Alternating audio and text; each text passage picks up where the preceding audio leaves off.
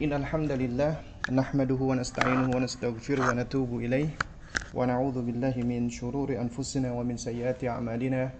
من يهده الله فهو المهتد ومن يضلل فلن تجد له وليا مرشدا. أشهد أن لا إله إلا الله وحده لا شريك له وأشهد أن محمدا عبده ورسوله. لا نبي بعده أما بعد. فإن أصدق الكلام كلام الله وأحسن الهدى هدى محمد صلى الله عليه وعلى آله وسلم وشر الأمور محدثاتها وكل محدثة بدعة وكل بدعة ضلالة وكل ضلالة في النار. أما بعد اللهم صل على محمد وعلى آل محمد كما صليت على إبراهيم وعلى آل إبراهيم. وبارك على محمد وعلى آل محمد كما باركت على إبراهيم وعلى آل إبراهيم إنك حميد مجيد أما بعد Jamaah sekalian Para ikhwan dan akhwat Para abah dan ummahat Juga sahabat-sahabat Yang dimuliakan Allah subhanahu wa ta'ala Assalamualaikum warahmatullahi wabarakatuh Alhamdulillah Di pagi hari ini Kita diperkenankan Allah subhanahu wa ta'ala Untuk dapat bersua Untuk dapat berjumpa Di kajian online kita via Zoom. Dan ini adalah mungkin kajian saya yang Perdana ya Yang diselenggarakan oleh barusan disebutkan ya adalah komunitas suamiku surgaku masya Allah ya. Ini adalah di antara itu nama yang sangat bagus sekali ya suamiku surgaku ya dan mungkin ya juga ada akun yang lain yang namanya istriku surgaku ya Baik, jamaah sekalian dimuliakan Allah Subhanahu wa taala. Insyaallah di di hari ini ya kita akan ya membahas tentang prinsip dasar membina rumah tangga.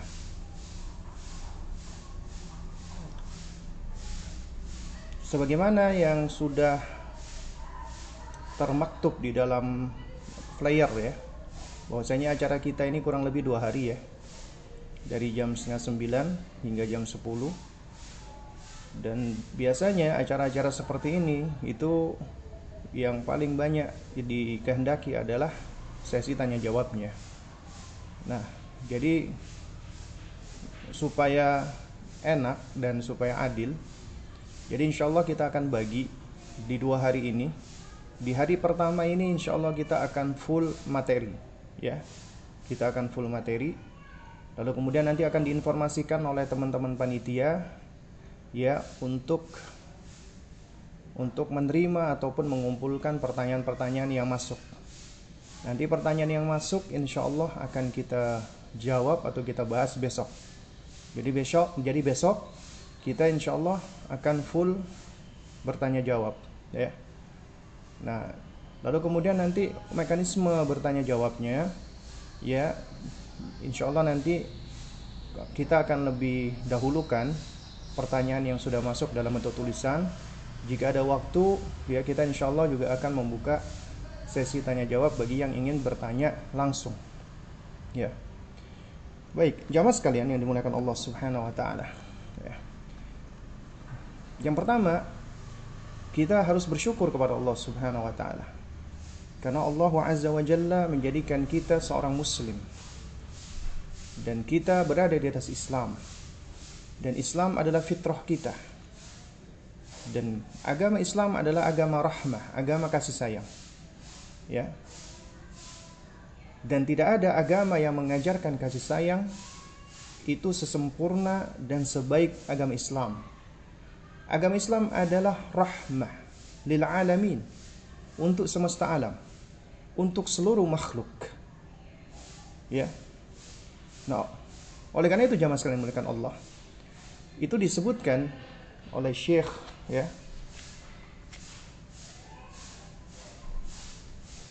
Sulaiman bin Salimullah Ar-Rahaili hafizahullah taala di dalam kutayib beliau yang berjudul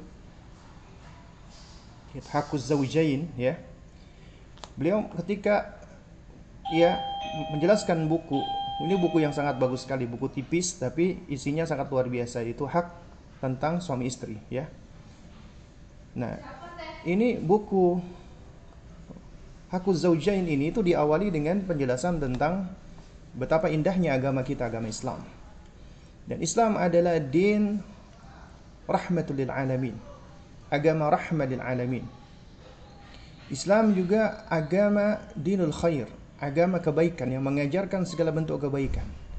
Artinya, ya ya Islam itu seluruhnya baik, mengajarkan kebaikan, tidak ada satupun yang buruk dari agama Islam.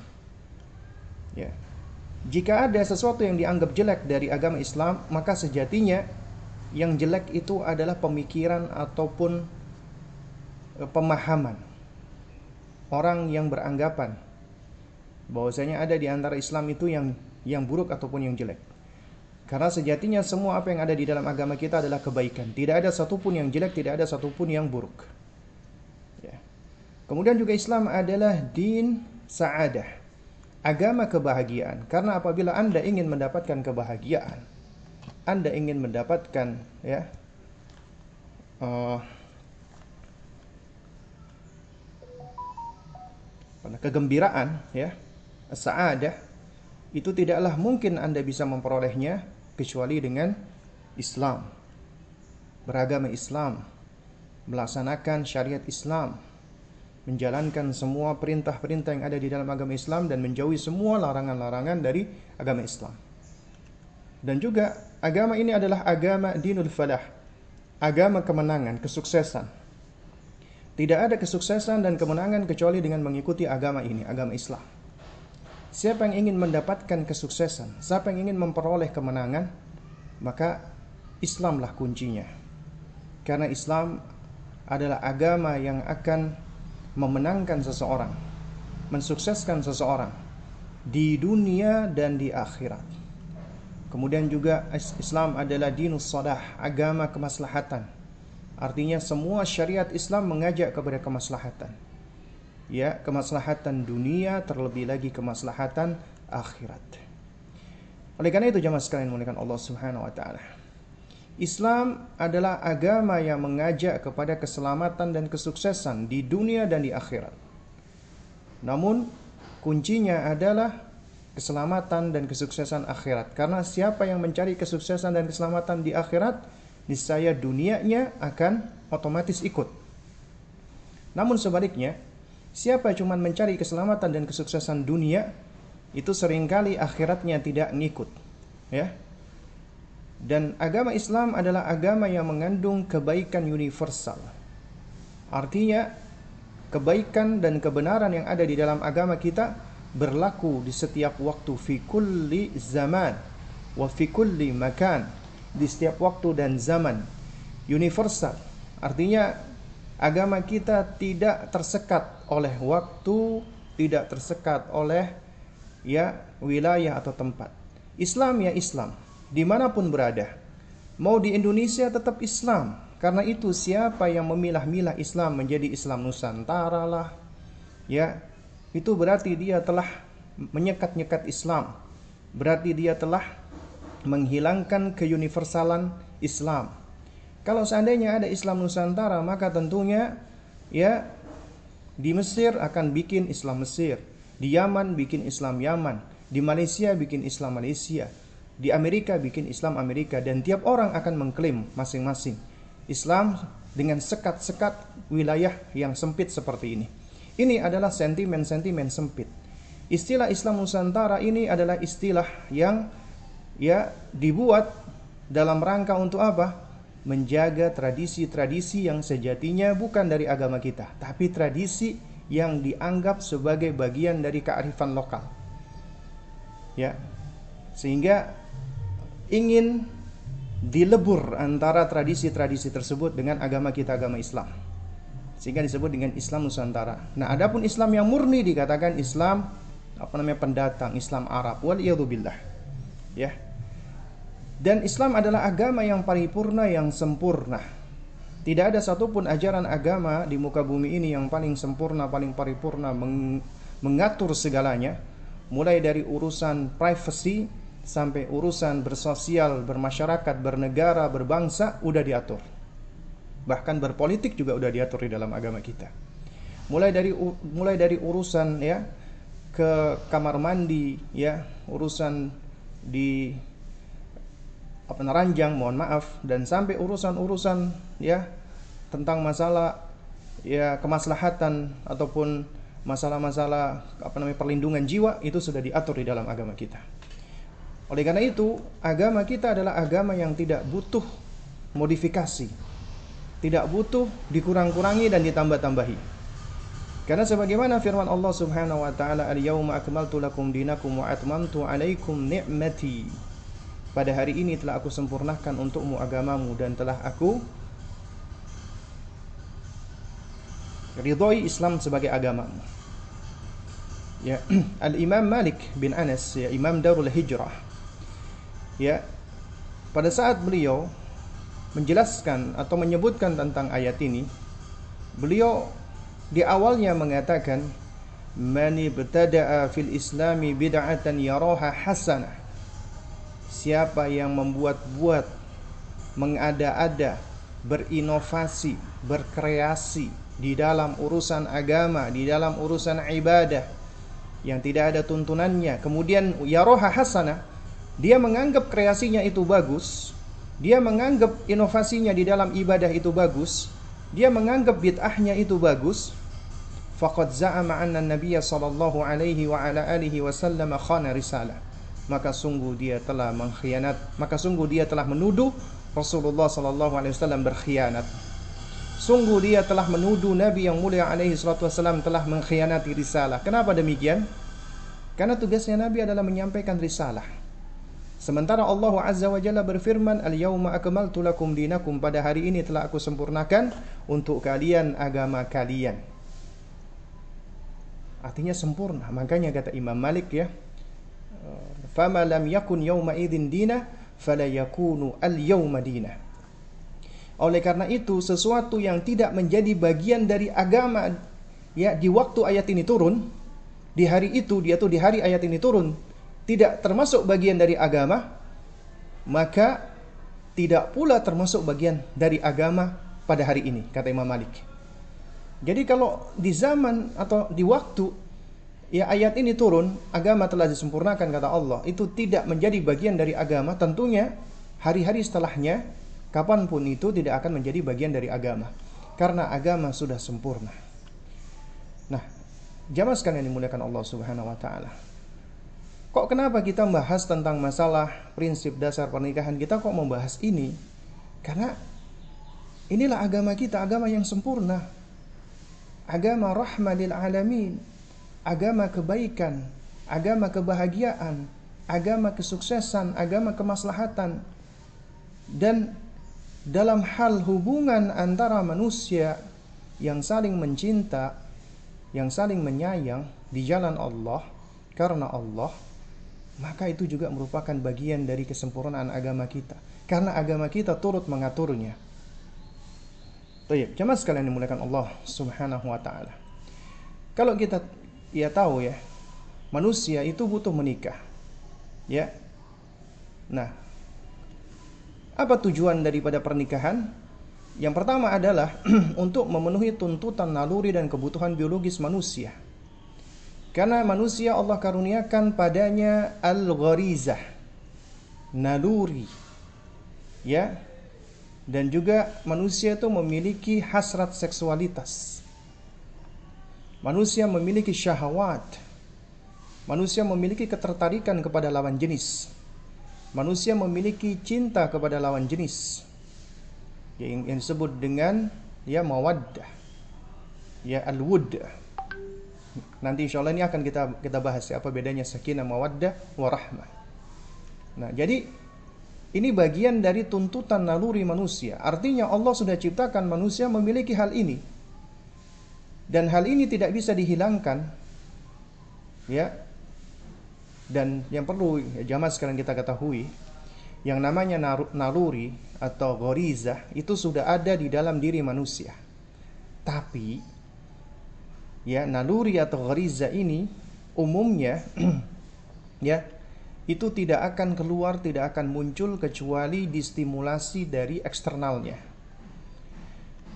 Contohnya misalnya naluri untuk ya uh, berhubungan seksual misalnya. Itu tidak serta-merta muncul ujuk-ujuk keluar, tidak. Itu biasanya karena apa? Karena ada faktor eksternal yang menstimulasi. Misalnya dia melihat sesuatu, mendengar sesuatu, ya ataupun dia memikirkan sesuatu. Akhirnya hasrat itu keluar. Dan ini adalah sesuatu yang dimiliki oleh setiap manusia. Ya. Nah karena itu jamaah sekalian yang dimuliakan Allah Subhanahu wa taala. Usia anak-anak ketika baru menjelang badik ini adalah usia yang riskan ya dikarenakan apa dikarenakan ya uh, lonjakan hawa nafsu mereka begitu kuatnya. Sementara jalan untuk menyalurkannya itu belum ada. Makanya Nabi Shallallahu Alaihi Wasallam ya itu memberikan nasihat kepada para syabab ya Masyarakat syabab ya wahai sekalian para pemuda ya. Man istata'a minkumul ba'ah. Siapa di antara kalian yang memiliki al-ba'ah kemampuan kata para ulama makna ba'ah memang ada ya ada varian pendapat. Di antaranya apabila seseorang dia sudah memiliki kemampuan ya untuk memberikan nafkah. Dan sebagian lagi ulama mengatakan apabila dia sudah memiliki kemampuan untuk apa? Kemampuan untuk bereproduksi ya dia sudah memiliki kemampuan seksualitas. Maka dia itu sudah dikatakan ba'ah. Falyatazawwaj maka hendaklah dia menikah ya. Hendaknya dia ya zuat zawaj menikah ya. Nah tapi kata Nabi saw ya namun siapa yang belum mampu ya maka fa'alaihi siyam hendaknya dia berpuasa ya fa innahu karena puasa itu adalah perisai yang dapat menekan syahwat. Ya. Nah, jamaah sekalian mulakan Allah, juga perlu kita ketahui bersama, ya, di dalam sebuah kaidah, ya, yang di formul yang diformulasikan oleh para ulama beristimbat dari Al-Quran dan hadis itu dikatakan bahwasanya al aslu fil abda haram hukum asal kemaluan mohon maaf hukum asal menggunakan kemaluan itu haram ya. Nggak boleh digunakan kecuali dengan cara yang halal.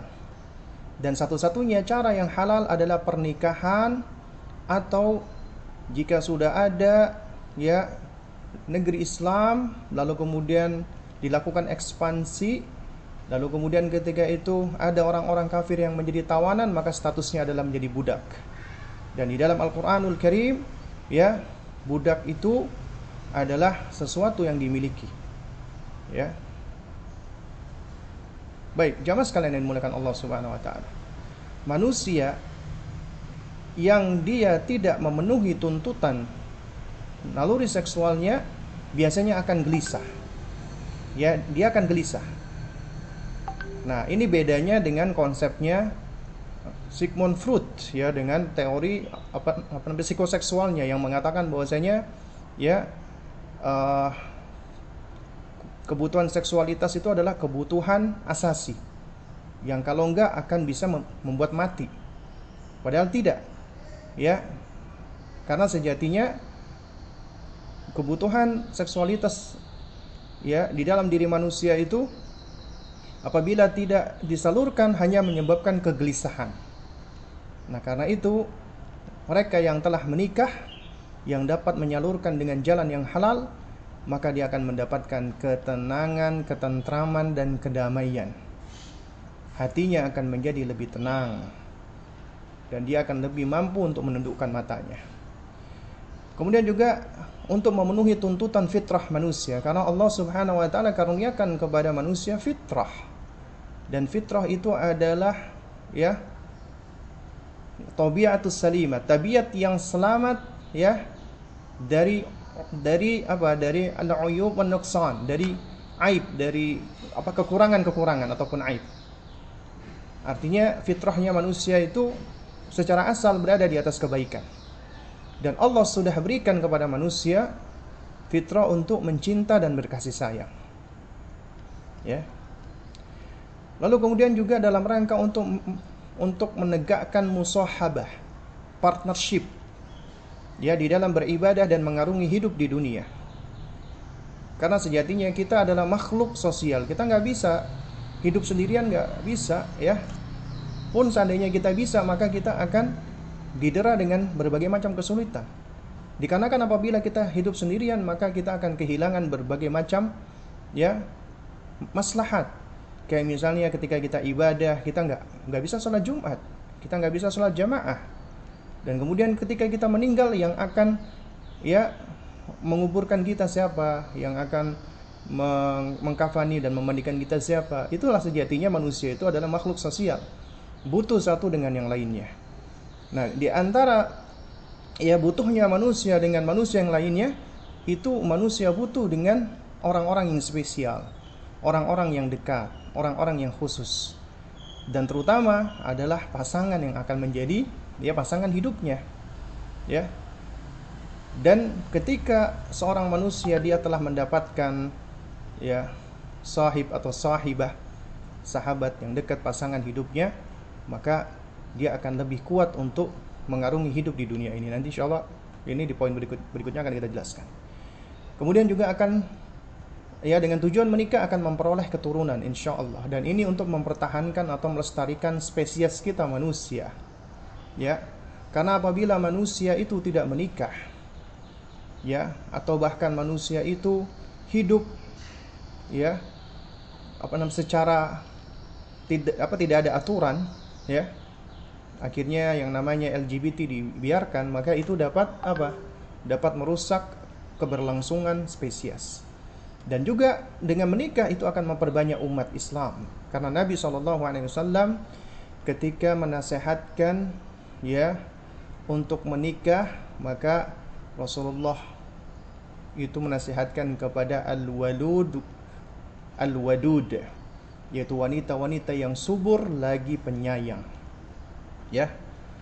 Dan Nabi SAW akan membanggakan ya uh, apa namanya banyaknya umat beliau di hadapan ya uh, umat lainnya ketika nanti di yaumil kiamah. Dan juga ini merupakan bagian dari sunnahnya para nabi dan rasul. Bukan cuma sunnahnya Rasulullah, tapi sunnahnya para nabi dan para rasul. Semua para nabi dan para rasul itu menikah kecuali beberapa nabi seperti Nabi Zakaria alaihissalam. Ya, ah afwan. Seperti Nabi Yahya alaihissalam ya seperti Nabi Yahya alaihi salam.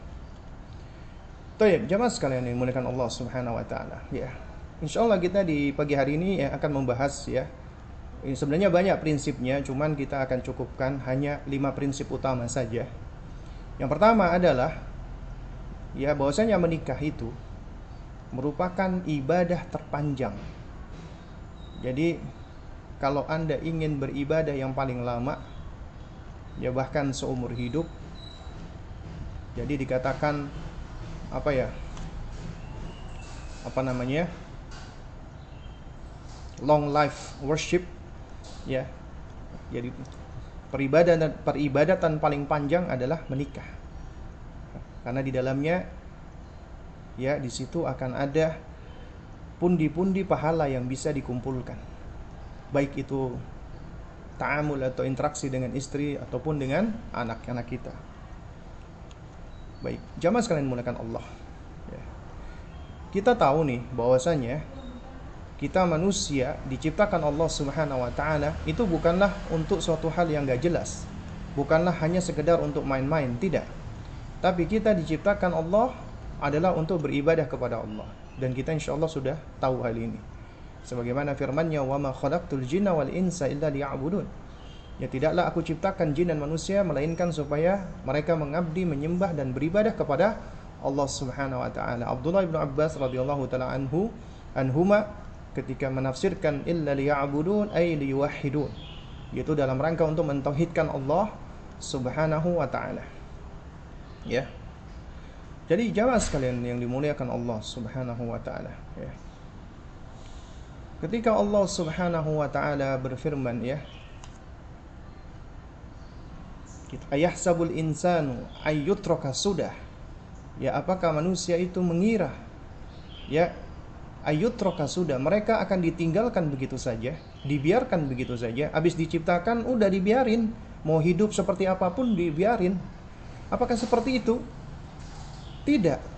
Makanya Allah Subhanahu wa taala ketika menjelaskan ya ayah sabul insan ini kalimat tanya istifham tapi dalam rangka untuk mengingkari mereka Ya, ayah sabul insanu ayutroka sudah. Apakah manusia mengira mereka setelah diciptakan, mereka dibiarkan, ditinggalkan, ditelantarkan begitu saja? Jawabannya adalah tidak. Nah, Al-Hafidh Ibnu Katsir rahimahullahu taala ketika membawakan ayat ini beliau menukilkan ucapan Al-Imam Muhammad bin Idris Asy-Syafi'i rahimahullah. Di, di mana Imam Syafi'i beliau menafsirkan ayyutroka sudah dibiarkan begitu saja ai alla yunha wa maksudnya apakah manusia setelah diciptakan mereka tidak diperintah dan tidak dilarang? Jadi bagian dari tujuan Allah menciptakan kita adalah untuk beribadah. Allah berikan perintah dan Allah berikan larangan dan siapa yang mengikuti perintah Allah dan menjauhi larangan Allah maka dia akan selamat di dunia dan di akhirat dan dia akan bahagia.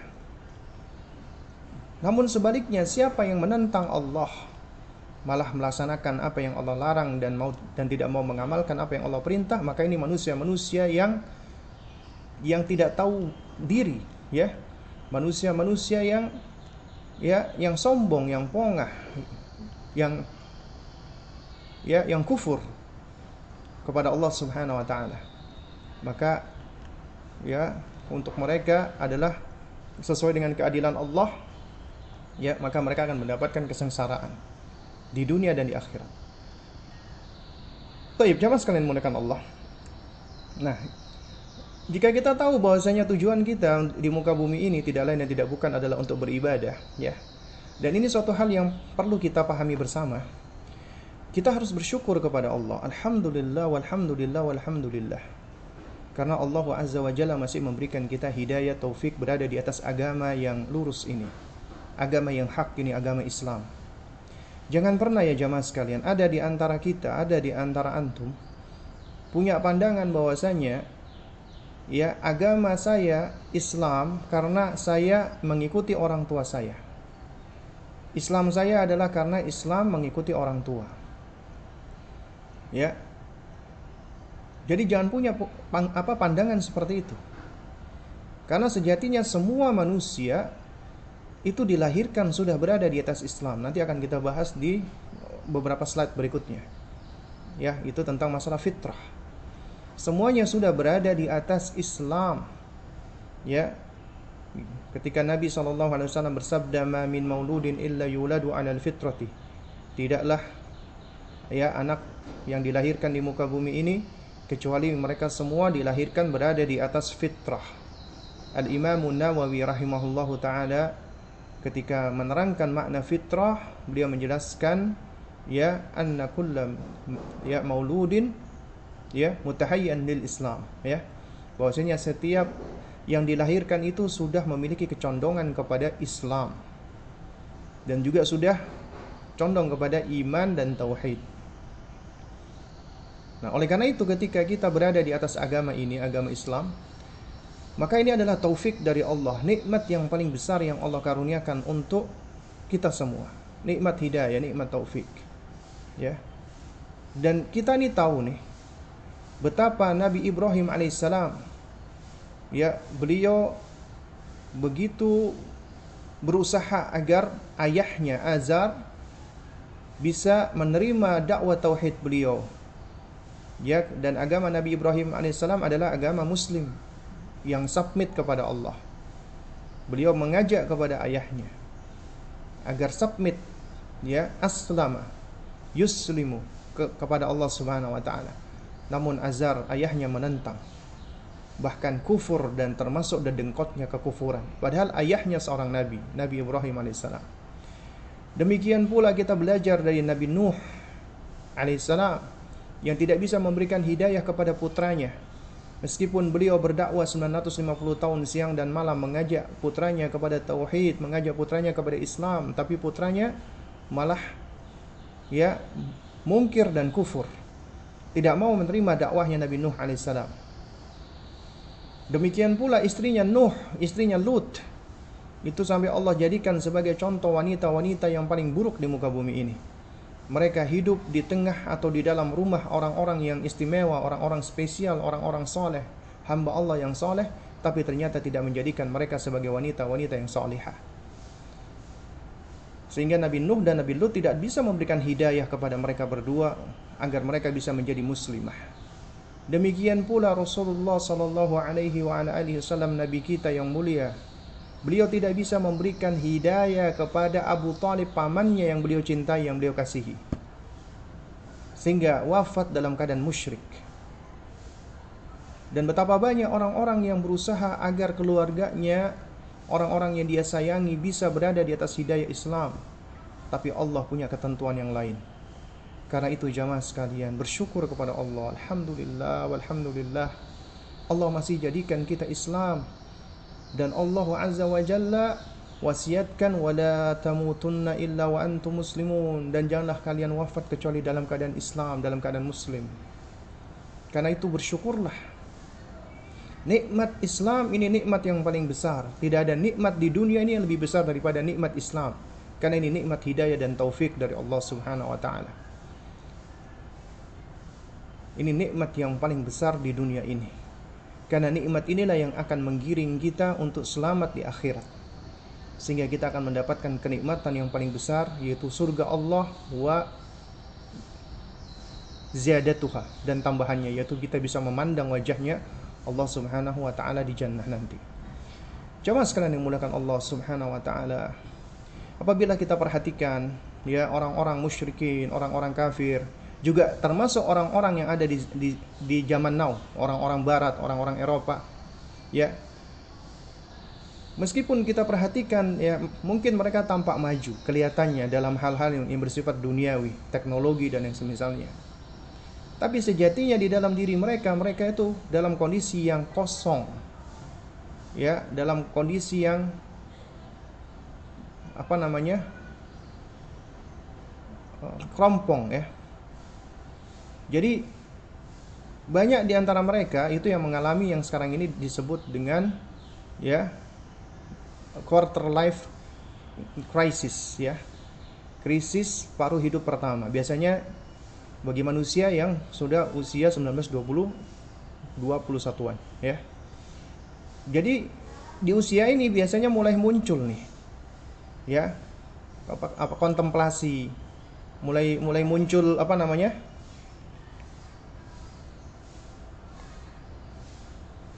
Ya, baik ya. Putus tadi ya? Nah, Ustaz.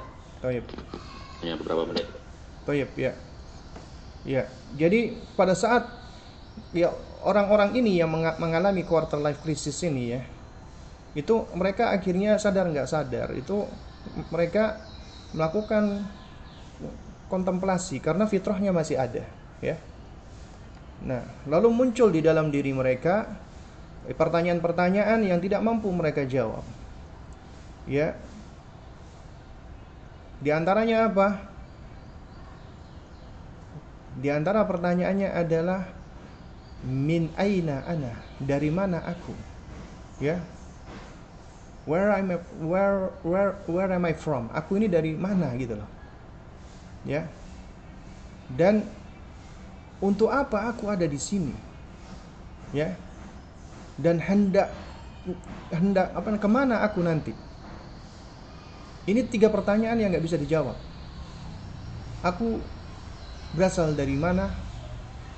Untuk apa aku ada di sini? Dan hendak ke mana aku nanti? Ini pertanyaan yang tidak bisa dijawab oleh kebanyakan manusia-manusia yang kufur yang kafir. Akhirnya di, di tengah kebingungan mereka, maka mereka pun akhirnya ya ya banyak yang jatuh. Entah itu jadi stres, distress, tertekan dan yang semisalnya karena mereka tidak bisa merasakan yang namanya kebahagiaan. Karena tidak mungkin seseorang mendapatkan kebahagiaan yang sejati, kedamaian yang sejati kecuali dengan Islam. Gak mungkin. Ya. Nah, akhirnya banyak di antara mereka pun yang berusaha mencari-cari jalan-jalan spiritual. Ya. Ada yang belajar di apa namanya Dalai Lama, ada yang belajar di tokoh-tokoh sufi dan yang semisalnya. Ya. Nah, jadi jamaah sekalian dimuliakan Allah Subhanahu wa taala. Ini menunjukkan bahwasanya manusia itu memang memiliki fitrah untuk berislam dan mereka butuh dengan agama Islam. Dan alhamdulillah Allah masih izinkan kita berada di atas fitrah kita Islam. Agama kita. Karena itu bersyukur kepada Allah. Nah, oleh karena itu bagaimana caranya kita mensyukuri nikmat ini agar Allah tidak angkat agar Allah tidak cabut? Wal adalah yang pertama kita harus mengikrarkan dengan hati. Menetapkan dengan hati hadza min fadli rabbina. Ini adalah karunia dari Rabbku. Islamku ini adalah karena Allah bukan karena orang tua. Bukan karena peninggalan nenek moyang bukan karena Allah hidayah dari Allah taufik dari Allah. Harus kita tetapkan dengan hati kita. Hadza min fadli rabbi. Ini adalah fadilah dari Rabbku. Kemudian talaffut bil lisan. Kemudian ya diucapkan dengan lisan. Ya nahnu muslimun. Kita adalah orang-orang Islam. Ya bahwasanya kita nashhadu an la ilaha illallah wa nashhadu anna Muhammad Rasulullah. Kita menyaksikan atau bersaksi bahwa tidak ada ilah yang hak untuk disembah kecuali Allah dan Muhammad adalah utusan Allah. Kemudian baru kita wujudkan di dalam amal kita yaitu mempergunakan di dalam ketaatan kepada Allah Subhanahu wa taala. Anggota tubuh kita kita gunakan di dalam ketaatan kepada Allah Azza wa Jalla dan enggak boleh kita gunakan di dalam keburukan. Insyaallah Allah akan jaga hidayah taufik tersebut. Nah, oleh karena itu jamaah sekalian dimuliakan Allah. Ya. Dari sini kita tahu nih bahwasanya seorang muslim dia itu punya tujuan hidup yang paling mendasar beribadah kepada Allah Subhanahu wa taala. Tapi permasalahannya ternyata banyak di antara kaum muslimin yang nggak ngerti hakikat daripada ibadah. Ketika ditanya, kamu tujuanmu apa hidup? Ibadah. Apa itu ibadah? Ya pokoknya ibadah, ibadah kepada Allah, sholat kepada Allah.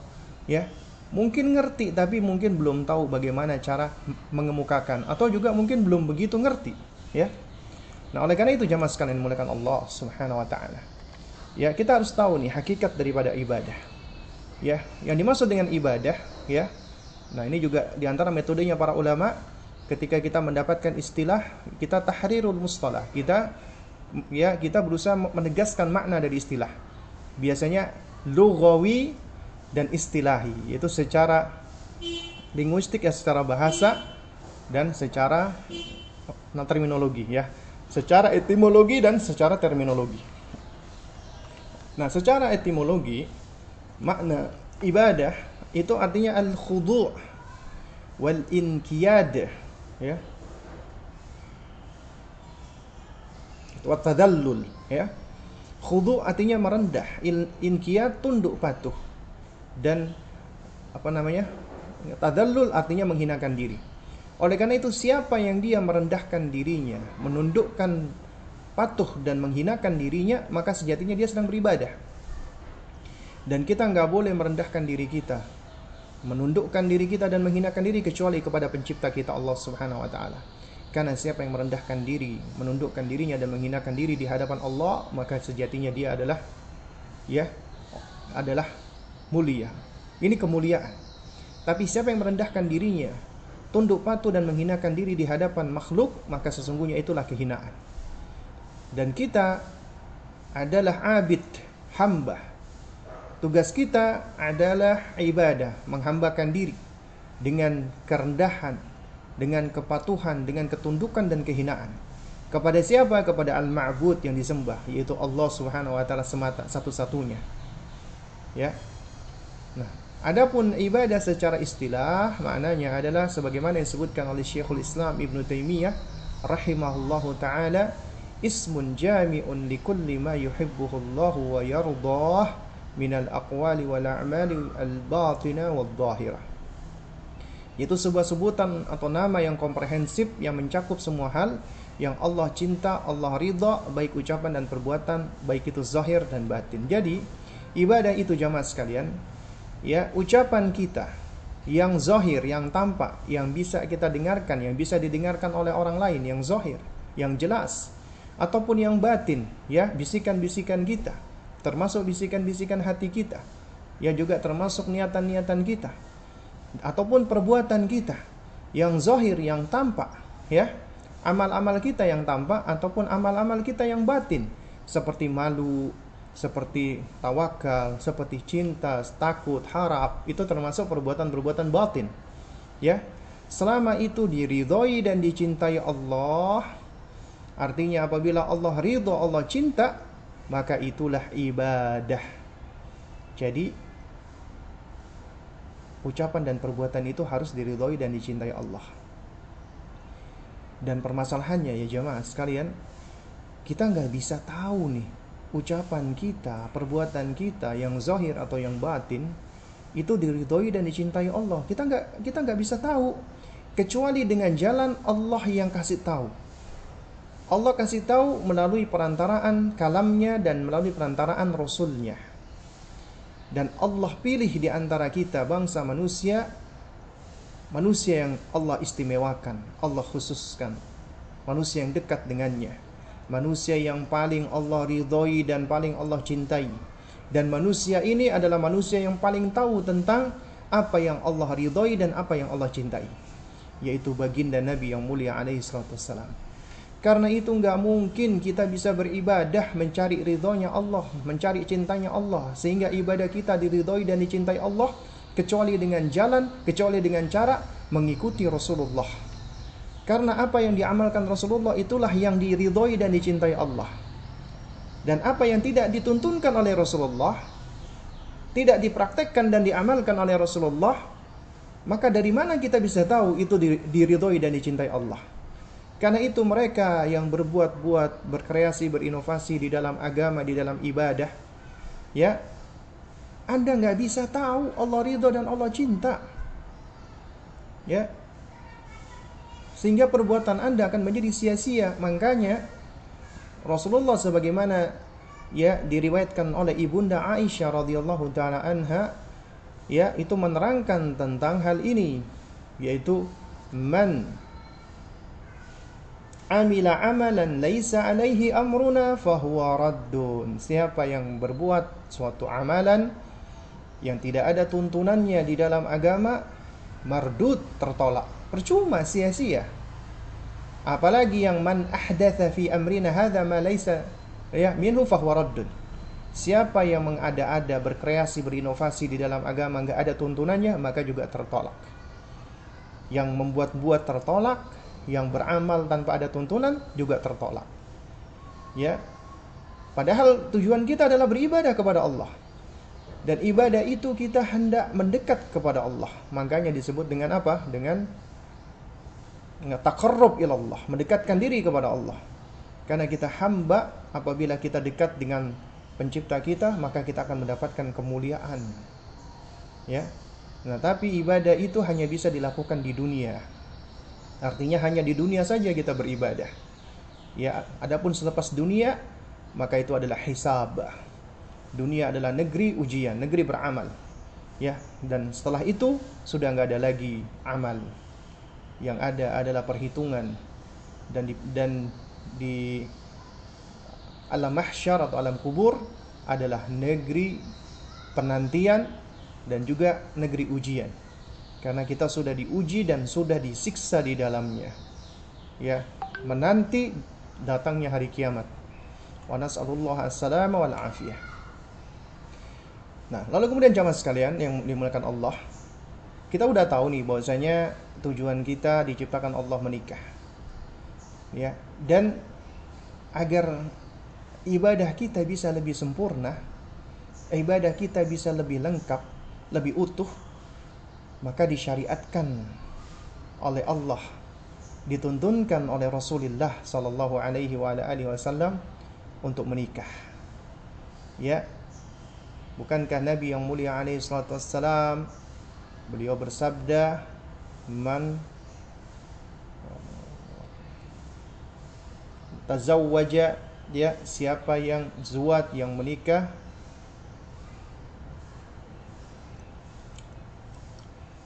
Faqad istakmala nisfal iman. Ya. Maka sungguh dia telah melengkapi atau menyempurnakan separuh dari imannya.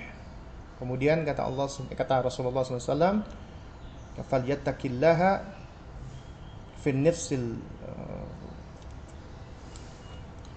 fin nisfil baqi ya. Dan hendaknya dia bertakwa ya untuk memelihara yang separuh sisanya lagi ya.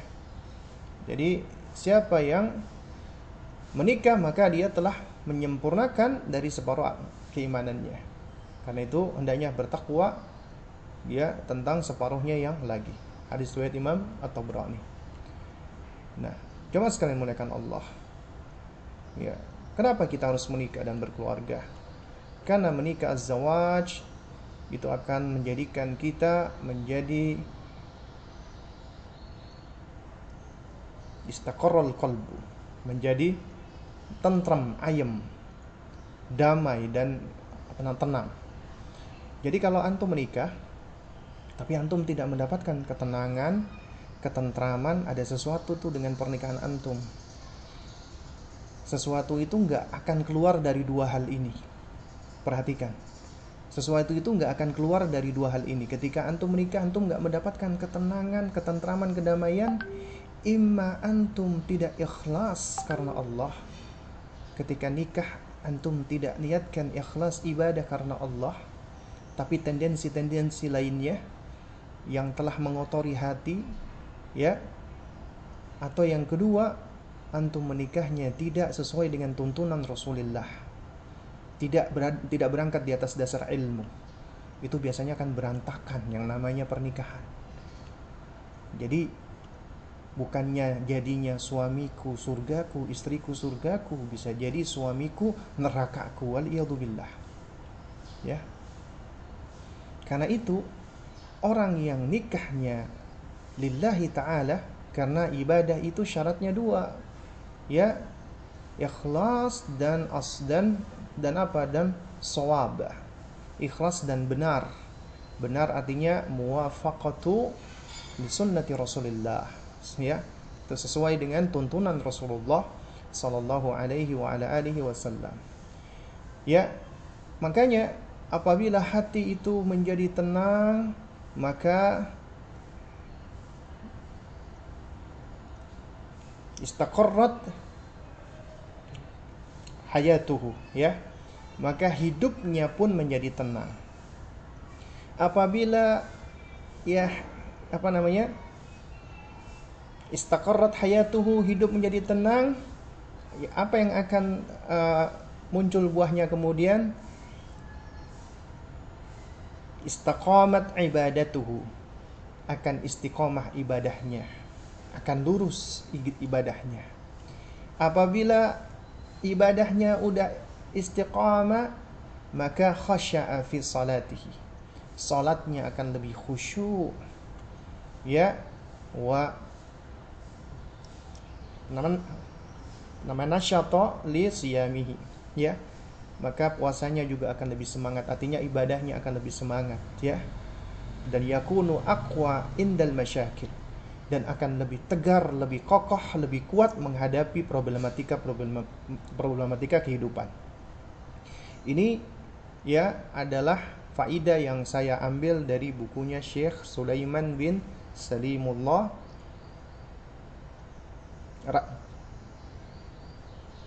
Ar-Ruhaili hafizahullahu taala ya di dalam buku beliau judulnya eh, apa namanya Itu hakuz zaujain ya. Hak suami istri. Baik.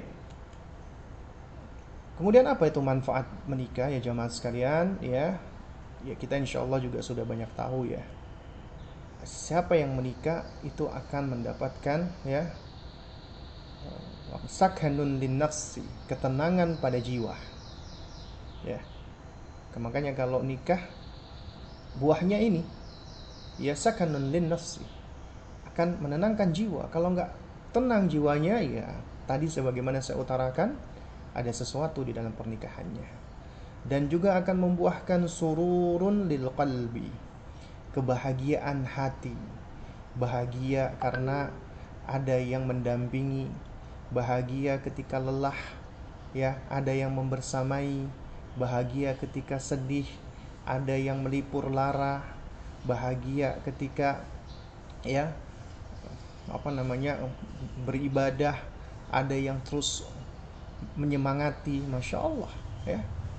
Kemudian juga tahsinun lil farji akan menjaga dan memelihara kemaluan. Sebagaimana kita tahu tadi al aslu fil adha haram hukum asal kemaluan haram. Ya. Jadi apabila diletakkan tidak pada tempatnya berarti dia telah zalim. Karena zalim adalah wad'u syai' fi ghairi mahalli, meletakkan sesuatu tidak pada tempatnya. Dan di antara bentuk kezaliman yang besar adalah melakukan zina. Ya, melakukan perbuatan zina. Dan yang dapat memalingkan dari zina adalah pernikahan. Ya, adalah pernikahan. Karena menikah dapat memelihara dan menjaga kemaluan. Dan juga apa?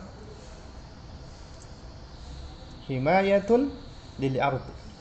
Menjaga, yang akan menjaga kehormatan. Kehormatan wanita, kehormatan laki-laki. Wanita yang menikah akan lebih terjaga kehormatannya. Sehingga dia tidak perlu bekerja seharusnya. Sehingga dia nggak perlu banyak keluar rumah. Sehingga dia tidak tidak nama terlalu banyak dipapar dengan berbagai macam fitnah dan pandangan-pandangan mata ya sehingga kehormatannya terjaga ya dan juga ghaddun lil basar menikah itu akan lebih menundukkan pandangan ya dikarenakan apa dikarenakan ya dia sudah memiliki sarana untuk menyalurkan hasratnya dengan cara yang halal oleh karena itu maka hal ini akan menjadi kebaikan khairun lil fardi, kebaikan bagi individu. Ya. Bagi bagi entitas individu akan membuahkan kebaikan. Dan khairun lil mujtama dan juga akan membuahkan kebaikan bagi masyarakat. Karena itu, ya individu itu akan semakin baik apabila mereka menikah. Ya, dan masyarakat akan lebih baik apabila juga masyarakatnya itu mereka menikah. Karena apa? Karena keluarga adalah ya satuan kecil yang membentuk masyarakat. Apabila keluarga itu baik, maka akan baik masyarakatnya. Ya. Baik, jemaah sekalian yang dimuliakan Allah. Lalu kemudian prinsip yang kedua, ya. Yang kedua prinsip yang kedua adalah ya yang namanya menikah itu bagian dari fitrah manusia Artinya dengan menikah kita telah berjalan sesuai dengan fitrah kita. Ya.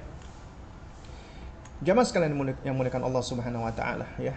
Menikah itu adalah fitrah dan ya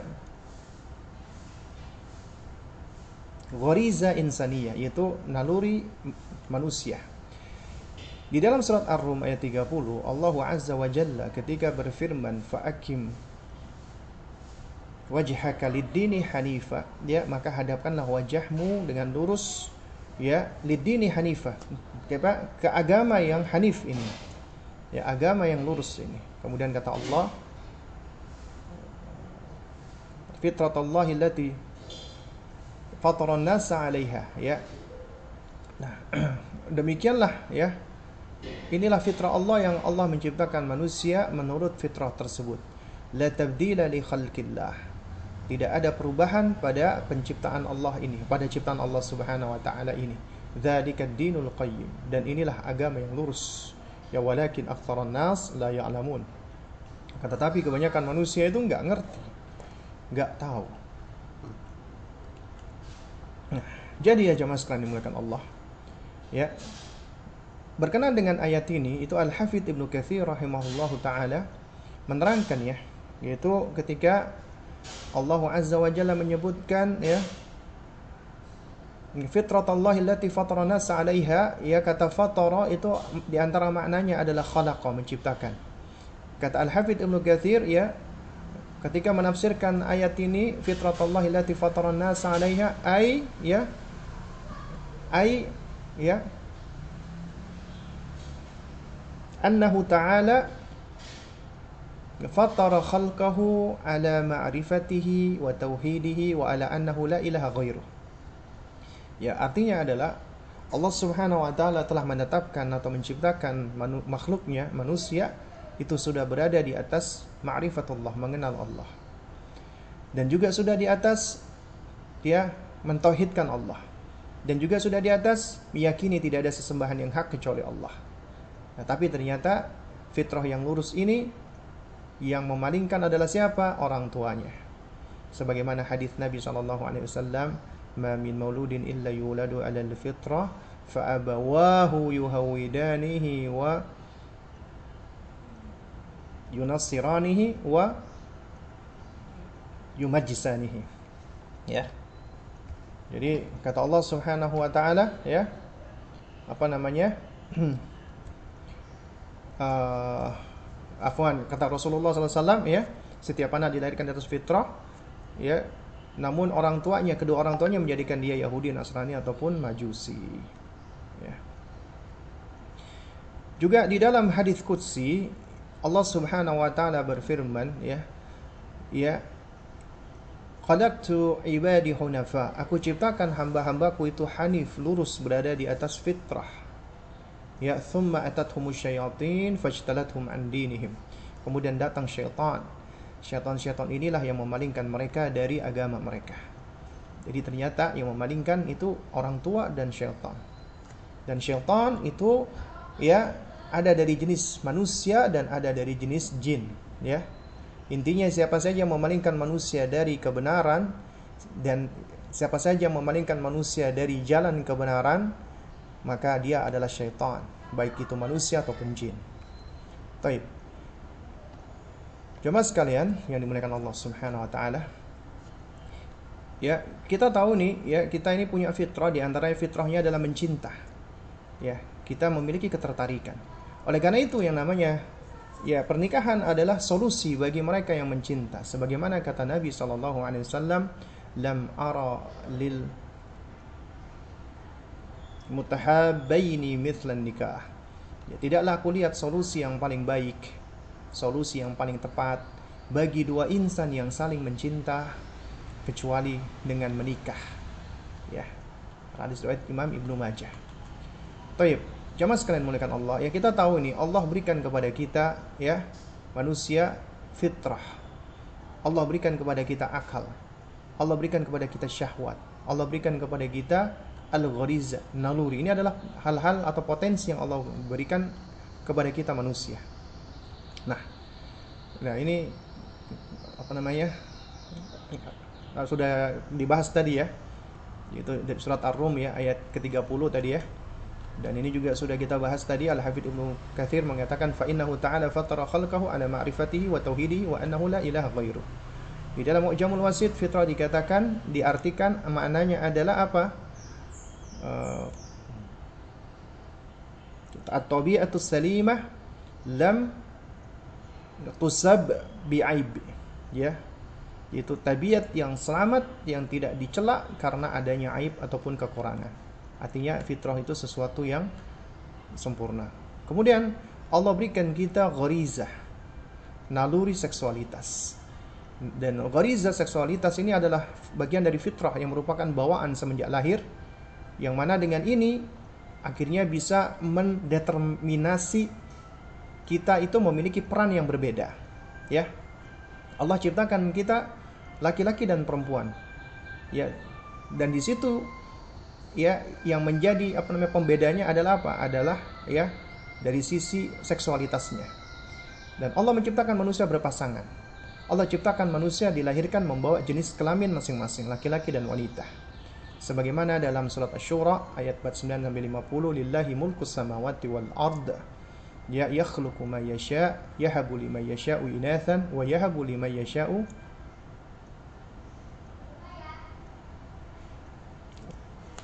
adzukurah ya. Jadi kata Allah Subhanahu wa taala lillahi mulkus samawati wal ard. Ya milik Allah lah kerajaan langit dan bumi. Yakhluqu ma yasha Allah menciptakan sesuai dengan kehendaknya. Yahabu liman yasha'u inathan. Allah Subhanahu wa taala mengkaruniakan kepada siapa saja yang Allah kehendaki anak-anak perempuan. Wa yahabu liman yasha'u adzukura dan Allah dia karuniakan kepada siapa saja yang Allah kehendaki anak-anak laki-laki au yuzawijuhum dzukranan wa inathan. Atau Allah kumpulkan ya yaitu padanya anak-anak laki-laki dan anak perempuan. Wa yaj'alu man yasha'u akima. Dan Allah juga jadikan sesuai dengan kehendaknya ada yang tidak bisa punya anak yang mandul. Innahu alimun qadir. Sesungguhnya Allah Maha mengetahui lagi Maha ber, berkuasa berkemampuan. Nah jadi dari sini Allah menyebutkan ya Allah karuniakan kepada kita manusia cuma dua anak laki-laki dan anak perempuan ada yang Allah karuniakan anak laki-laki aja ada yang Allah karuniakan anak-anak perempuan tok ada yang Allah karuniakan anak laki-laki dan perempuan atau ada yang Allah tidak tidak tidak uh, berikan kemampuan padanya untuk bisa punya anak. Ini semua sesuai dengan keadilan Allah Subhanahu wa taala. Ya. Nah, oleh karena itu dari sini ya kita tahu ada laki-laki dan ada ada wanita dan perbedaan gender ini yang akan berkembang sesuai dengan apa namanya peran kita. Artinya ketika kita punya anak perempuan, kelak peran utamanya adalah sebagai seorang istri dan sebagai seorang ibu. Ketika anak kita laki-laki, kelak perannya adalah sebagai seorang suami dan ayah. Itu peran utamanya di muka bumi ini. Karena mereka akan menjadi pendidik lagi. Kita hari ini pendidik, kita sedang mendidik calon pendidik yang akan mendidik anak keturunan kita. Kelak mereka akan menjadi istri dan suami. Kelak mereka akan menjadi seorang ibu dan ayah. Nah, karena itu bagaimana cara kita mendidik mereka itulah yang akan menentukan sesuai dengan sunnah kauniyah Allah ya jadinya mereka. Dan ini pula yang sudah dijelaskan oleh Rasulullah. Kalau kita perhatikan bagaimana interaksinya Rasulullah SAW dalam rangka untuk menumbuhkan hal ini, Nabi itu memberikan kunyah kepada anak-anak kecil. Contohnya misalnya kepada adiknya apa namanya? Anas bin Malik ya, yang suka main nuger, yang suka main burung kecil, disapa oleh Rasulullah Sallallahu Alaihi Wasallam apa kata Nabi? Ya kita Abu Umair ma fa'alan nughair ya wahai Abu Umair apa yang dilakukan oleh burung kecilmu? Anak ini dipanggil dengan sebutan kunyah padahal dia belum punya anak. Ini di antara faidahnya adalah dalam rangka untuk menumbuhkan ya uh, kepercayaan diri si anak tadi agar dia merasa dihargai, diakui dan dia juga akan sadar ketika disebut dengan sebutan kunyah bapak kelak dia akan menjadi seorang bapak. Demikian pula Nabi ketika memuji seorang anak kecil yang dipanggil oleh Nabi siapa? Dia apa namanya? Ummah Khalid ya. Sana, sana ya Nabi pernah ngasih uh, sebuah pakaian yang indah ya kepada anak-anak. Kemudian Nabi katakan ya anak itu dipanggil dengan panggilan kunyah. Ummu Khalid. Ya kemudian kata Nabi sana sana sana ini adalah bahasa apa namanya uh, Habasyah ya artinya bagus bagus ya. Itu yang disebutkan oleh oleh para ulama. Nah ini menunjukkan ketika Nabi memanggil anak-anak kecil dengan kunyah, dengan apa namanya Abu Umair ataupun Ummu Khalid ya ini menunjukkan bahwasanya di antara faidahnya adalah ya agar agar mereka sudah uh, apa namanya terbiasa ya dan ngerti bahwasanya peran mereka nanti akan menjadi seorang bapak dan ibu ya. Baik, jemaah sekalian dimuliakan Allah Subhanahu wa taala. Oleh karena itu peran manusia sesuai seksualitasnya ya. Laki-laki kelak dia akan menjadi suami dan menjadi bapak. Perempuan kelak dia menjadi istri dan ibu. Ini adalah peran utamanya ya. Jadi bukannya nanti laki-laki kamu nanti jadi dokter jadi insinyur jadi ini tidak. Atau atau apa seorang istri kamu nanti menjadi seorang akuntan atau ini tidak tapi kelak kamu nanti akan menjadi seorang suami dan kelak kamu akan menjadi seorang bapak. Kelak kamu menjadi seorang istri dan kelak kamu menjadi seorang ibu. Itu adalah peran utamanya dia. Ya adapun menjadi dokter insinyur itu adalah bagian dari profesinya. Toyib ya kemudian prinsip yang ketiga. Wah ini sudah pukul 9.47 ya. Baik ya. Uh, kita berikutnya singkat-singkat saja. Sakinah ya uh, sakinah mawaddah warahmah prinsip yang ketiga yang namanya pernikahan itu adalah berangkat di atas dasar sakinah mawaddah warahmah Taib jamaah sekalian mulakan Allah Tujuan menikah Allah sebutkan dalam surat Ar-Rum ayat ke-21. Ini ayat yang sering kita dengarkan. Allah Azza wa Jalla berfirman apa? Wa min ayatihi an khalaqalakum min anfusikum azwajan. Dan di antara tanda-tanda kekuasaan Allah adalah Allah ciptakan untukmu dari jenismu sendiri pasangan-pasangan atau istri-istri. Untuk apa? Ditaskunu ilaiha agar kamu cenderung atau merasa tentram dengannya. Wa ja'ala bainakum mawaddah wa rahmah dan Allah jadikan di antaramu mawaddah, cinta kasih, wa rahmah dan kasih sayang. Inna fi dzalika laayatin liqaumi yatafakkarun. Ya, sesungguhnya pada yang demikian ini benar-benar yang merupakan tanda-tanda bagi orang-orang yang mau mempergunakan akalnya atau orang-orang yang mau berfikir. Juga dalam surat Al-Baqarah Allah mengatakan hunna libasul lakum wa antum libasul lahunna. Ya mereka adalah pakaian untukmu dan kamu pun adalah pakaian untuk mereka istri-istrimu, ya. Baik, jamaah sekalian, apa maksudnya sakinah mawaddah warahmah? Sakinah kalau kita lihat dari sisi bahasa, dia itu bentuk masdar, ya, bentuk infinitif dari kata sakana. Artinya sakana adalah apa? kofat harokatuhu. Artinya berhenti bergerak. Jadi ketika antum bergerak, ya, kemudian antum berhenti, itu namanya ya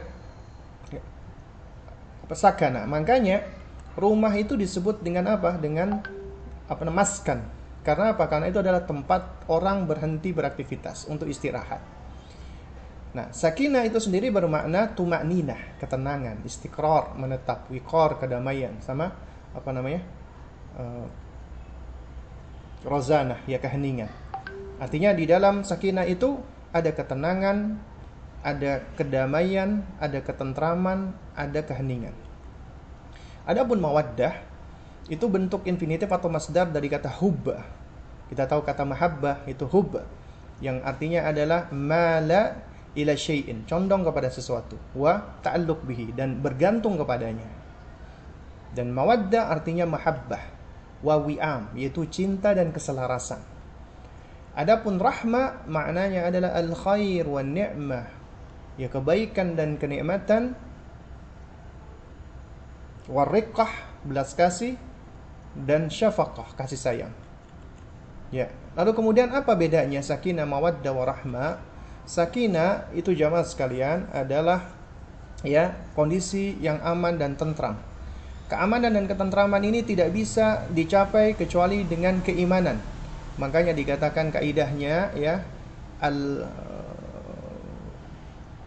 apa aman ba'dal iman. Ya namanya keamanan itu diperoleh setelah keimanan. Dan juga yang namanya ketentraman itu akan diperoleh dengan adanya sikap saling mempercayai satu dengan yang lainnya. Kemudian juga hal ini juga diperoleh dengan saling mengerti dan menjalankan kewajiban dan tugas masing-masing. Karena istri punya tugas, suami punya tugas. Istri punya tanggung jawab, suami punya tanggung jawab. Istri punya hak, suami juga punya hak. Harus diketahui masing-masing. Dan ini mengharuskan saling memahami ya satu dengan yang lainnya untuk mengisi perannya masing-masing. Dan ketahuilah bahwasanya ketika kita menikah, kita akan bersama dengan orang yang mungkin akan berbeda dengan kita. Dan dan namanya manusia sama seperti kita. Kita nggak sempurna, kita punya kekurangan. Nah, itulah perannya yang namanya berkeluarga adalah apa? Untuk feeling im, apa perfection makes perfect. Artinya mengisi kekurangan-kekurangan atau ketidaksempurnaan tadi itulah yang akan menjadikan yang namanya rumah tangga atau keluarga menjadi sempurna atau mendekati kesempurnaan. Kemudian mawaddah. Mawaddah itu bagian dari fitrah manusia, yaitu berupa ketertarikan secara seksualitas terhadap lawan jenis. Itu mawaddah. Kita tertarik dengan fisiknya, dengan rupanya, dengan bentuknya, warna kulitnya, rambutnya dan seterusnya. Itu namanya mawaddah.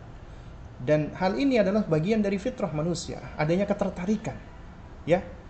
Nah, dengan menikah kemudian dia bisa menyalurkan mawaddah. Ini akan menguatkan stabilitas diri dari fitnah syahwat. Kemudian bisa dia salurkan dengan jalan apa namanya penyaluran nafsu secara halal, positif. Dia bisa menyalurkan ya mahabbah, hubnya dengan cara yang benar. Dan ini juga akan bisa melestarikan keturunan dia. Adapun rahmah, kita tahu ya Mawaddah dan rahmah memang karunia dari Allah. Tapi rahmah ini lebih spesial. Ya, karena dia berupa kasih sayang. Ya. Kalau tadi mawaddah itu lebih condong ketertarikan kepada zahir fisik, adapun rahmah adalah ketertarikan terhadap batinnya, akhlaknya, karakternya, sifat-sifatnya. Dan ini muncul setelah kita saling mengenal satu dengan yang lainnya, saling memahami satu dengan yang lainnya, saling membutuhkan satu dengan yang lainnya. Kemudian kita saling menutupi apa kekurangan, saling saling memahami ya dan saling memberikan pengertian. Taib. Kemudian prinsip yang keempat, menikah adalah sunnahnya Rasulullah Sallallahu Alaihi Wasallam. Ya, karena kata Nabi Sallallahu Alaihi Wasallam ya, an nikahu min sunnati apa nikah adalah sunnahku faman lam ya'mal bi sunnati falaysa minni siapa yang tidak mau melaksanakan sunnahku maka dia bukanlah termasuk dari golonganku. Kemudian kata Nabi SAW, apa namanya? Watazawwaju fa inni mukathirun bikumul umam. Menikahlah karena kelak aku akan berbangga dengan banyaknya jumlah kalian di hadapan umat. Wa man kana dza taulin falyankih. Siapa yang memiliki kemampuan untuk menikah maka hendaknya hendaknya dia menikah. Ya wa man lam yajid fa alaihi bisiyam fa inna shauma lahu wija. Tapi siapa yang belum mampu nikah, hendaknya dia puasa karena puasa itu adalah perisai baginya. Muttafaq alaih. Kemudian prinsip yang kelima, keluarga adalah partner melangkah ke surga. Ya, ini yang yang terakhir ya jamaah sekalian. Ya. Jadi kita tahu ini Allah Subhanahu wa taala sudah menentukan visi rumah tangga kita. Allah berfirman, "Ya ayyuhalladzina amanu wahai orang-orang yang beriman, ku anfusakum wa ahlikum nar." Jagalah diri kalian dan keluarga kalian dari siksa neraka.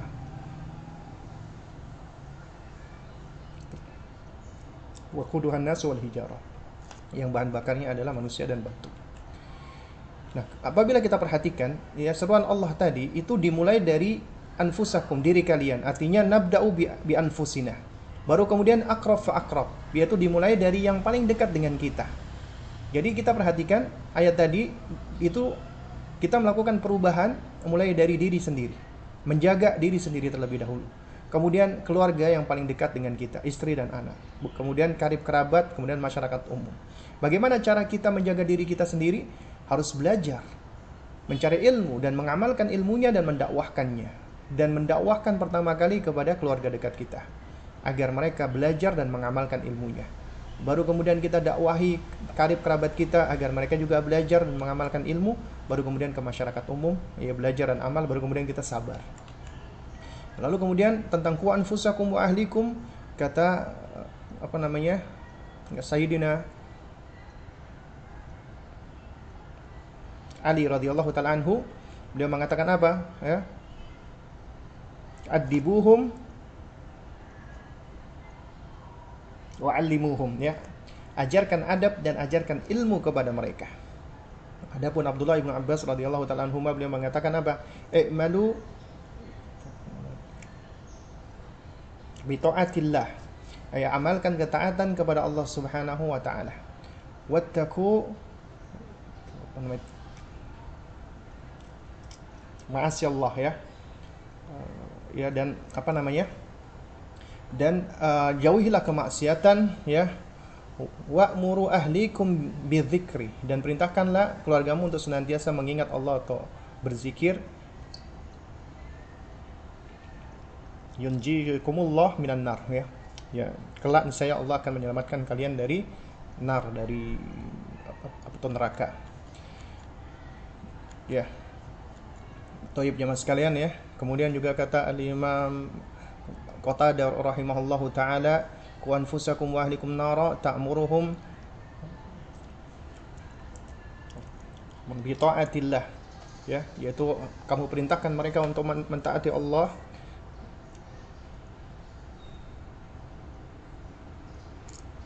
Watan hahum an maksiatillah dan engkau cegah mereka dari bermaksiat kepada Allah.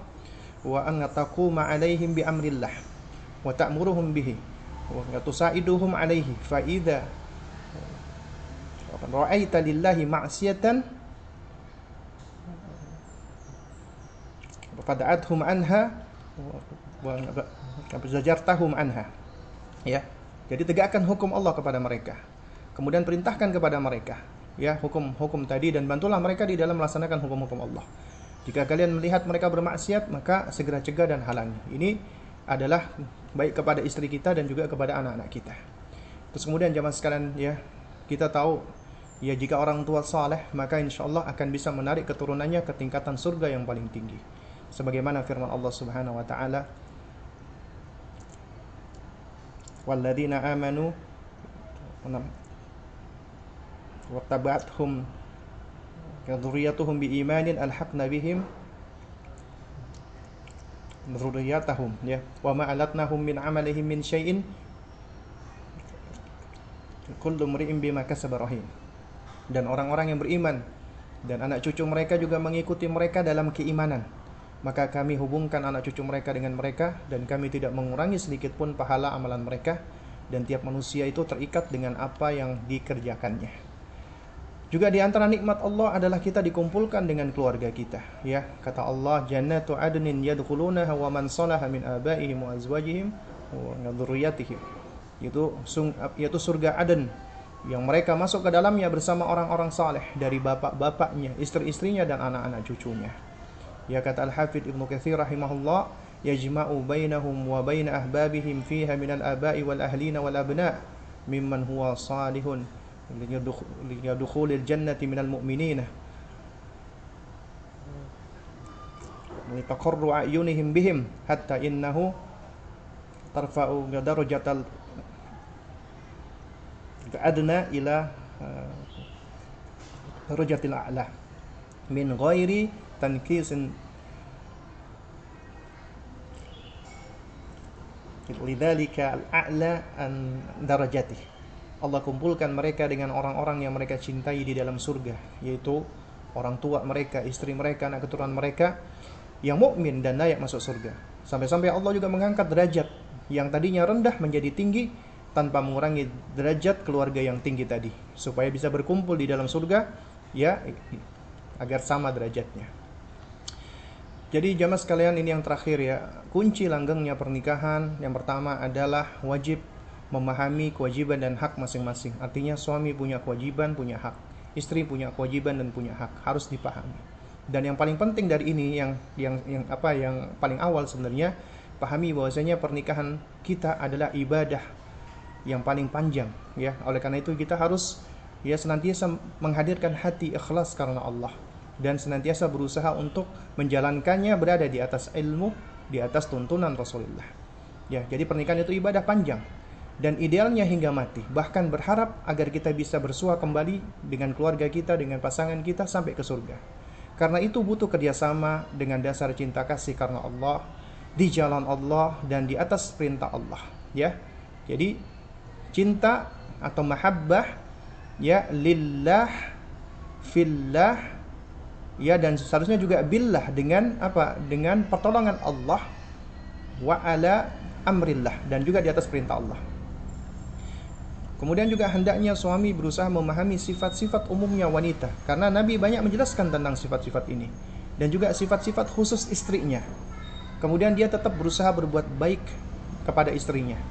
Ya, tidak mengasarinya, tidak berbuat buruk dengannya. Demikian pula istri berusaha untuk selalu bersabar dan menaati suami dalam perkara-perkara ma'ruf. Kemudian juga di antara yang penting adalah berusaha saling mengenal dan memahami satu dengan yang lainnya. Kemudian harus saling berbaik sangka, tidak saling berburuk sangka dan menerima kekurangan masing-masing karena nggak ada yang sempurna di antara kita. Lalu berusaha untuk menumbuhkan cinta kasih, perhatian dan keromantisan. Ya. Kemudian yang gak kalah penting adalah munasohah, saling menasehati satu dengan yang lainnya. Ya. Dan ini adalah konsekuensi dari cinta karena kalau namanya cinta itu konsekuensinya harus saling mengingatkan, saling menasehati. Jadi nggak dibiarkan. Ya, oleh karena itu harus saling menasehati dengan cinta kasih dan kelemah lembutan. Saling melengkapi dan menyempurnakan satu dengan yang lainnya.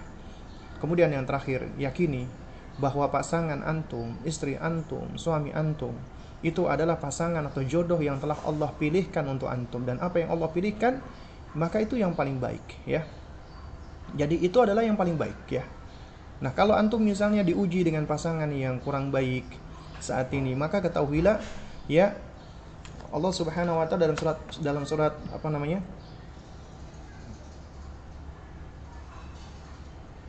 An-Nisa ya ayat ke-56. Kalau kalau nggak salah ya. Itu kita sudah diajarkan kaidahnya. Wama asabaka min hasanatin faminallah adapun kebaikan yang engkau peroleh menimpa kamu maka katakan itu dari Allah wama asabaka min sayyi'atin adapun keburukan yang menimpamu famin nafsika maka katakan itu adalah darimu jadi kalau kalau Anda diuji oleh Allah dengan pasangan yang buruk maka katakan ini adalah dari diri kita sendiri. Karena pasangan kita itu sejatinya adalah kita sendiri yang pilih untuk diri kita. Kalau itu adalah yang buruk gitu loh. Tapi tentunya ini sesuai dengan takdir Allah ya. Jadi kalau seandainya buruknya suami kemudian kita hadapi dengan dengan kesabaran ya, mengharap balasan dari Allah, Allah tidak akan menyia-nyiakannya. Ya, namun apabila buruknya pasangan itu dapat memberikan madarat untuk diri kita, terutama dalam hal agama kita, ya. Lalu kemudian juga memberikan apa namanya madarat ya untuk uh, untuk untuk jiwa kita, misalnya suka mukul dan misalnya atau misalnya dia juga suka melakukan perbuatan-perbuatan yang buruk, ya. Maka kita diperbolehkan pada saat itu untuk berpisah karena Allah dan di jalan Allah. Ya. Dalam rangka untuk apa untuk mencari kebaikan. Baik, jamaah sekalian yang dimuliakan Allah Subhanahu wa taala ya. Ya, ya afwan. Nah, ini adalah poin kita yang terakhir ya. Jadi ini yang paling terakhir banget ya. Jadi yang namanya pernikahan itu ibarat bahtera. Yang namanya bahtera yang kokoh harus ya kita perhatikan bahtera yang kokoh adalah bahtera yang kuat yang berada di atas landasan keimanan dan ketakwaan. Bahtera itu punya mesin dan jika apabila dan jika kita ingin mengarungi samudra kehidupan, maka kita harus memiliki mesin kapal yang kuat. Artinya mesin kapal ini adalah apa hati kita, ya, yang kokoh di atas rasa cinta dan apa namanya perhatian, ya, dan juga apa tawakal kepada Allah Subhanahu wa taala. Kemudian juga butuh bahan bakar yang memadai, yaitu ilmu yang bermanfaat. Ya, dan yang mana ilmu ini ya yang apa namanya terefleksikan di dalam amal kita, akhlak kita. Kemudian juga butuh alat navigasi karena kita nggak bisa nih akan melabuh kalau kita nggak tahu ya jalannya harus tahu alat navigasinya. Kita butuh navigasi yaitu Al-Quran dan Sunnah Nabi kita butuh equipmentnya, alat-alatnya, instrumennya. Di situ ada yang namanya nasihat, ya, saling memahami dan kesabaran. Kemudian butuh pula di situ ada nahkoda yang handal, yaitu suami yang saleh, suami yang tahu visi dan misi, suami yang bisa menentukan destinasi. Kemudian di situ ada apa namanya muallim, asisten nahkodanya. Maka di situ butuh istri yang saleha yang bisa menjadi asisten buat buat buat nahkoda dalam rangka untuk mengatur ya apa namanya ABK atau anak buah kapalnya ya ya Tayyib jemaah sekalian, ya mungkin ini yang dapat disampaikan untuk kesempatan kita di pagi hari ini ya. Kita ucapkan alhamdulillah, mudah-mudahan yang sedikit ini bisa memberikan manfaat. Insya Allah kita bersua besok ya. Dan uh, bagi kawan-kawan yang mengikuti acara kita pada pagi hari ini, yang ingin mengajukan pertanyaan silakan nanti bisa dikirimkan ke teman-teman panitia nanti insya Allah akan dikumpulkan oleh panitia pertanyaan-pertanyaan tersebut insya Allah kita besok pagi jam setengah sembilan sampai jam 10 ya kita akan full sesi bertanya jawab insya Allah taala. Baik mungkin ini yang dapat saya sampaikan. Kurang lebihnya saya mohon maaf. Jika ada hal-hal yang kurang berkenan yang keliru yang salah mohon jangan dimasukkan ke dalam hati. Yang hak datangnya dari Allah Subhanahu wa taala yang batil datangnya dari diri saya pribadi dan juga dari syaitan. Insya Allah nanti uh, PDF dari slide ini Eh, uh, di share oleh teman-teman panitia ya ke ke grup ya kalau kalau kalau memang ada grupnya ya. Ya baik untuk berikutnya waktu dan tempat saya kembalikan lagi kepada pembawa acara kita ya. Ya tafadhol